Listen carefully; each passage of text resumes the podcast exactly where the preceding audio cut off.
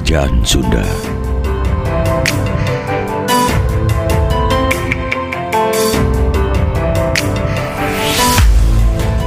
Dayuh Pakuan Pajajaran, ibu kota kerajaan Sunda, adalah kota raja yang sangat makmur, terutama bagi kalangan bangsawan berdarah biru dan lebih khusus lagi bagi keturunan Maharaja.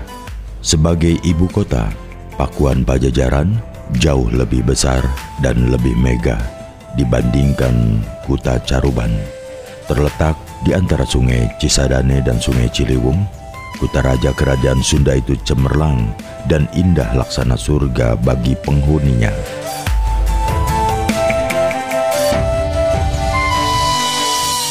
Hari-hari yang sejuk di ibu kota Pakuan Pajajaran selalu diwarnai taburan rinai gerimis di musim kemarau dan guyuran hujan lebat di musim penghujan. Beberapa kereta yang indah penuh ukiran terlihat meluncur di atas jalanan kota dengan penumpang bangsawan yang memiliki barang seratus budak sahaya. Bagi bangsawan yang lebih tinggi, mereka ditandu oleh empat penandu. Gerobak-gerobak pedati yang ditarik kerbau akan menepi dari jalanan jika berpapasan dengan kereta atau tandu para bangsawan.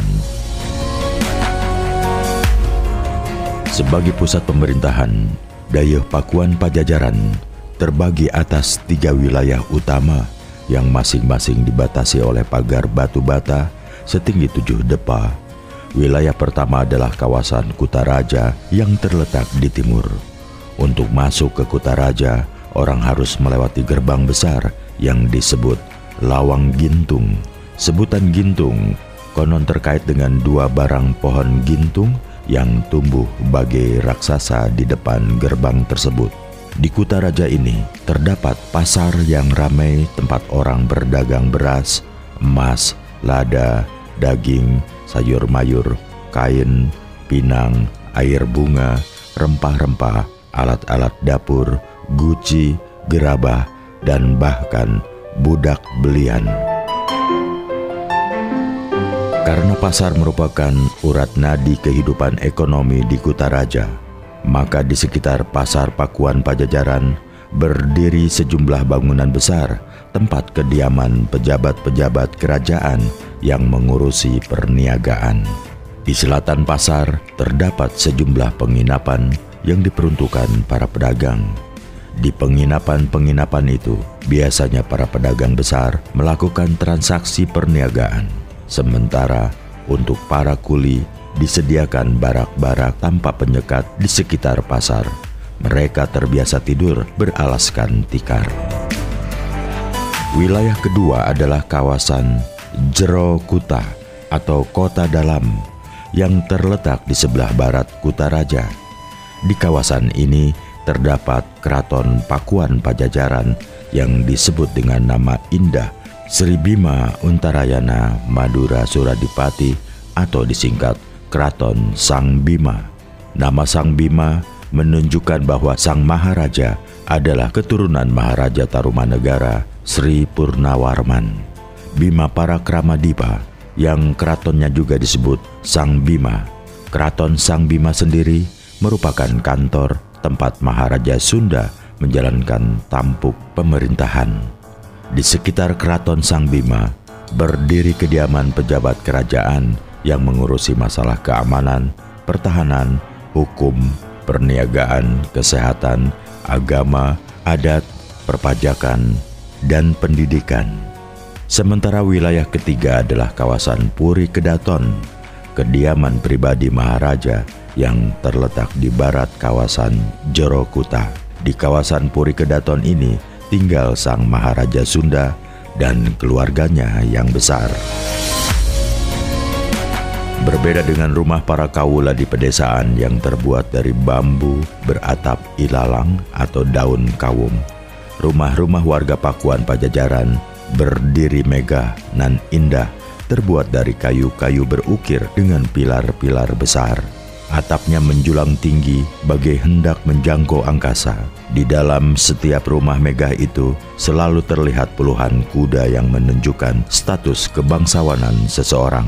Makin tinggi kedudukan seorang bangsawan, makin banyak pula kuda yang ia pelihara. Jumlah budak yang dimiliki bangsawan-bangsawan di Kutaraja pun tergantung dari tinggi dan rendahnya tingkat kebangsawanan mereka. Sering kedapatan di rumah seorang bangsawan terdapat tidak kurang dari 300 budak. Bangunan terbesar dan termegah di Pakuan Pajajaran tentu saja keraton Sang Bima yang terdiri atas tiga bangunan utama yaitu Bangsal Manguntur, Bangsal Prabayaksa, dan Bangsal Pancaniti yang merupakan istana tempat Maharaja Sunda menerima tamu, mengatur pemerintahan, dan menjalankan hukum kerajaan. Pilar-pilar penyangga keraton Sang Bima terbuat dari balok-balok kayu jati. Ukuran raksasa berjumlah tidak kurang dari 330 buah. Tinggi pilar-pilar raksasa itu sekitar lima depa. Setiap tahun sekali, para raja muda dari wilayah-wilayah taklukan atau sakawat bumi datang menghadap Maharaja di Bangsal Manguntur sambil membawa upeti dan hadiah. Dari keraton Sang Bima inilah seluruh tatanan kehidupan di bumi Pasundan dikendalikan. Kehidupan pribadi Maharaja Puri Kedaton yang terletak di belakang keraton Sang Bima tidak kalah menakjubkan keindahan dan kemegahannya dibandingkan dengan keraton tersebut. Di dalam puri yang megah dengan taman-taman dipenuhi wangi bunga dan kijang-kijang berlarian di rerumputan, Sang Maharaja tinggal bersama dua permaisuri dan seribu selir dari berbagai negeri. Hari-hari kehidupan sang maharaja lebih banyak dihabiskan untuk berburu rusa dan babi hutan, bercengkrama dengan selir-selirnya, berperahu di Talaga Warna Mahawijaya, berziarah ke makam leluhur di Pancakaki Guna Tiga maupun Nusa Larang, menerima utusan dari wilayah-wilayah taklukan yang membawa upeti-upeti atau memimpin rapat para menteri tetapi ini jarang sekali untuk mengatasi persoalan pemerintahan. Kehidupan sang maharaja yang penuh dilingkari kemewahan, kelimpahan, pujian dan sanjungan itu terbagi-bagi pula kepada putra dan putrinya. Putra dan putri sang maharaja yang entah berjumlah berapa ribu orang, sebagian besar menjadi penguasa di seluruh bumi Pasundan. Boleh dikata, setiap jengkal tanah di bumi Pasundan sudah menjadi milik turun-temurun para putra Maharaja. Para putra Maharaja lazimnya menunjuk adipati untuk mengelola tanah-tanah milik mereka. Para adipati kemudian menyerahkan pengelolaan tanah-tanah itu kepada Mantri Wadana. Selanjutnya, Mantri Wadana menyerahkan pengelolaannya kepada Wadana. Para wadana kemudian menyewakan tanah garapan kepada Kawula. Dengan demikian, secara berjenjang, setoran sewa tanah akan sampai kepada para putra sang maharaja. Yang termasyur di antara putra-putri sang maharaja Sunda adalah Prabu Surawisesa, penguasa Galuh Pakuan, Sri Mangana, penguasa Caruban Larang, Prabu Cakraningrat, penguasa Raja Galuh, Prabu Pucuk Umun, penguasa Talaga, Susuhunan Pajengan, penguasa Kuningan, Susuhunan Maya, penguasa Taraju, Susuhunan Ranjam, penguasa Cihaur, Prabu Sedang Lumu, penguasa Sagala Herang, Prabu Liman Sanjaya, penguasa Sunda Larang, Sang Hyang Pandahan, penguasa Ukun, Sang Hyang Kartamana, penguasa Limbangan, Sang Hyang Sogol, penguasa Maleber, Sang Hyang Maya penguasa Cilutung, Sang Hyang Jamsana penguasa Batu Layang, Sang Hyang Tabur penguasa Panembong. Sebagai keturunan Maharaja Sunda, para bangsawan yang mendiami Pakuan Pajajaran adalah orang-orang yang terpilih dan terjaga kemurnian garis keturunannya. Mereka umumnya berperawakan tegap berkulit kuning kecoklatan, berwajah tampan, dan selalu berpenampilan rapi dengan hiasan-hiasan tubuh. Penampilan ini sangat berbeda dengan kalangan kawula yang bertubuh kecil, berkulit kusam, berpenampilan lusuh, hanya bercawat, dan rambut terurai, awut-awutan tidak tersisir. Penduduk Utaraja Pakuan Pajajaran umumnya terdiri atas pedagang besar, pejabat penarik cukai, penggawa keraton, dan seniman kerajaan. Para pedagang besar menguasai lalu lintas perdagangan dari daerah pedalaman ke bandar-bandar perniagaan seperti Kalapa, Tangerang, Banten, Muara Jati, dan Pontang.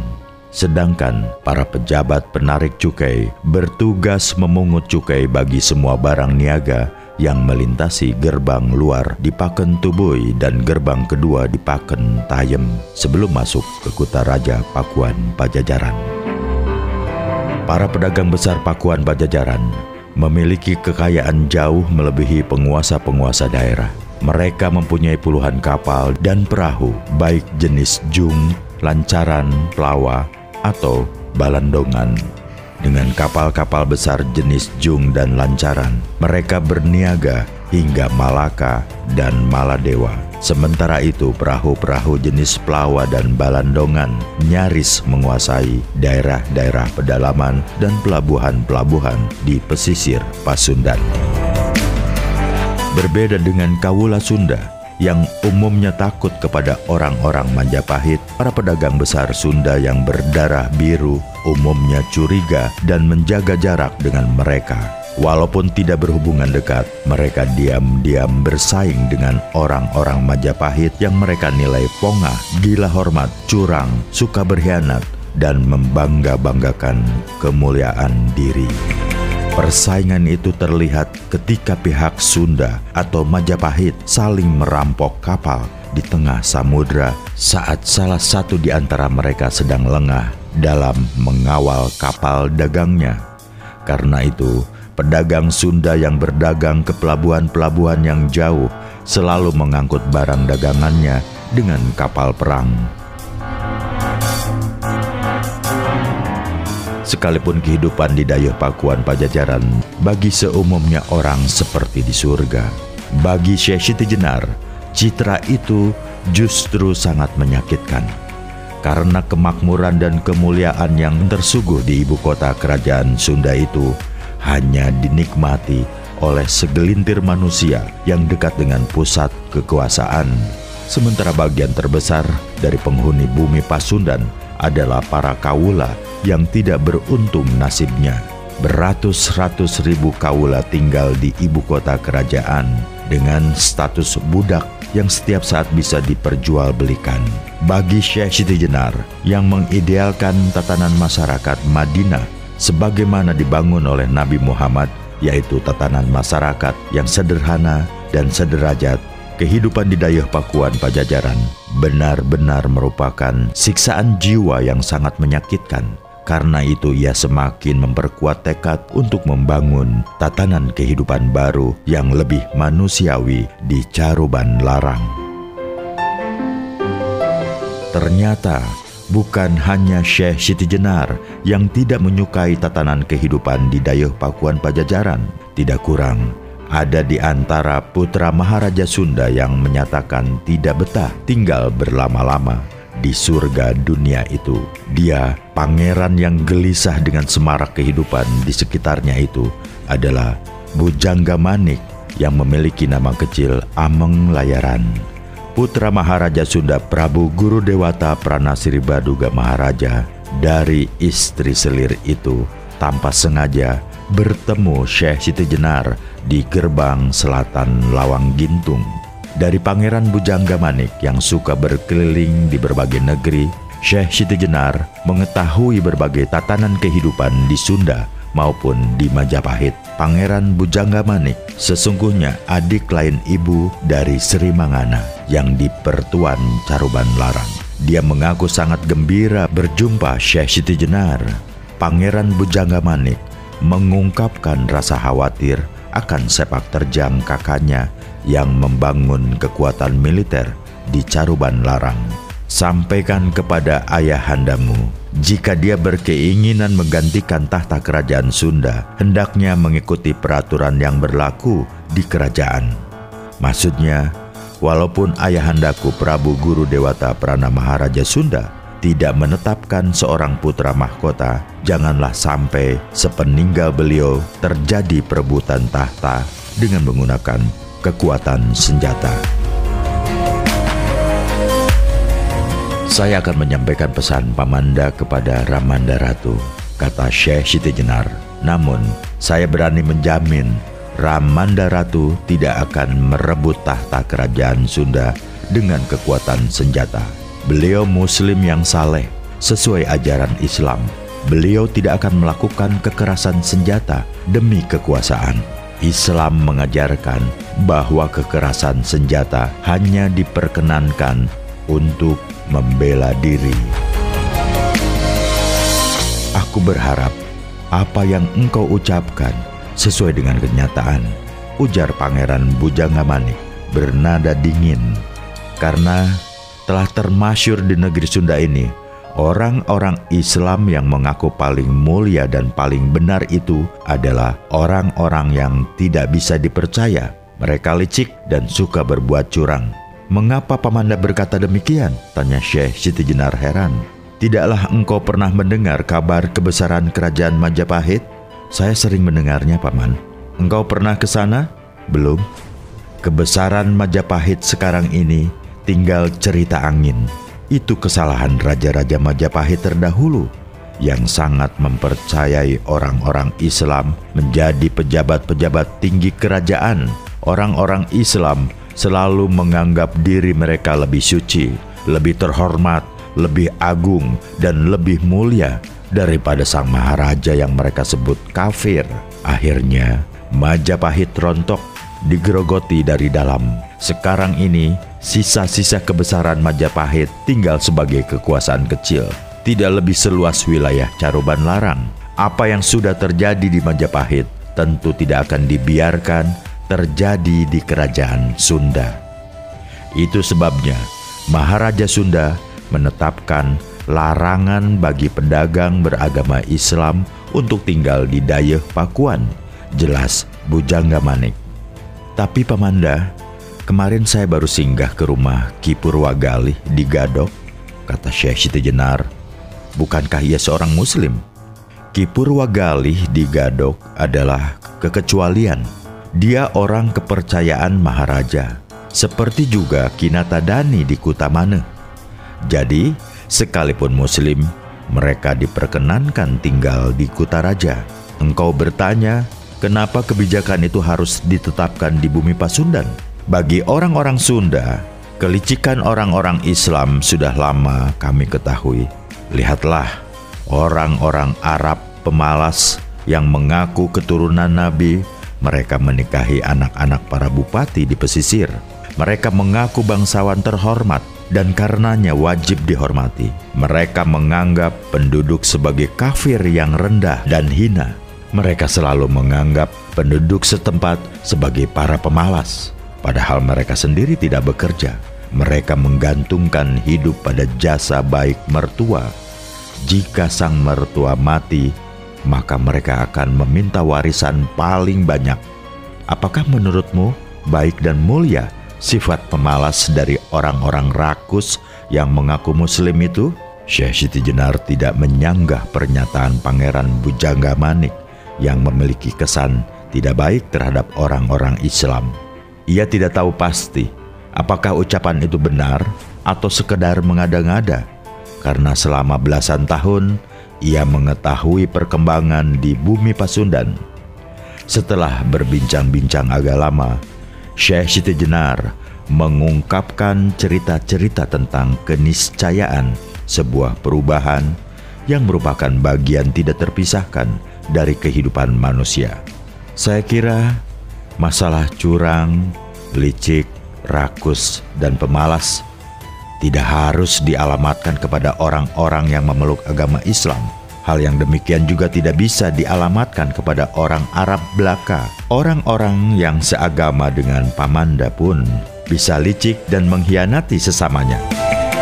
Bukankah menurut cerita, leluhur kita Prabu Linggabuana Wisesa Sang Mokteng Bubat telah dihianat secara licik oleh orang-orang Majapahit? Bukankah Pamanda tadi juga menuturkan bahwa para saudagar Sunda dan Majapahit sering saling merampok barang dagangan di lautan.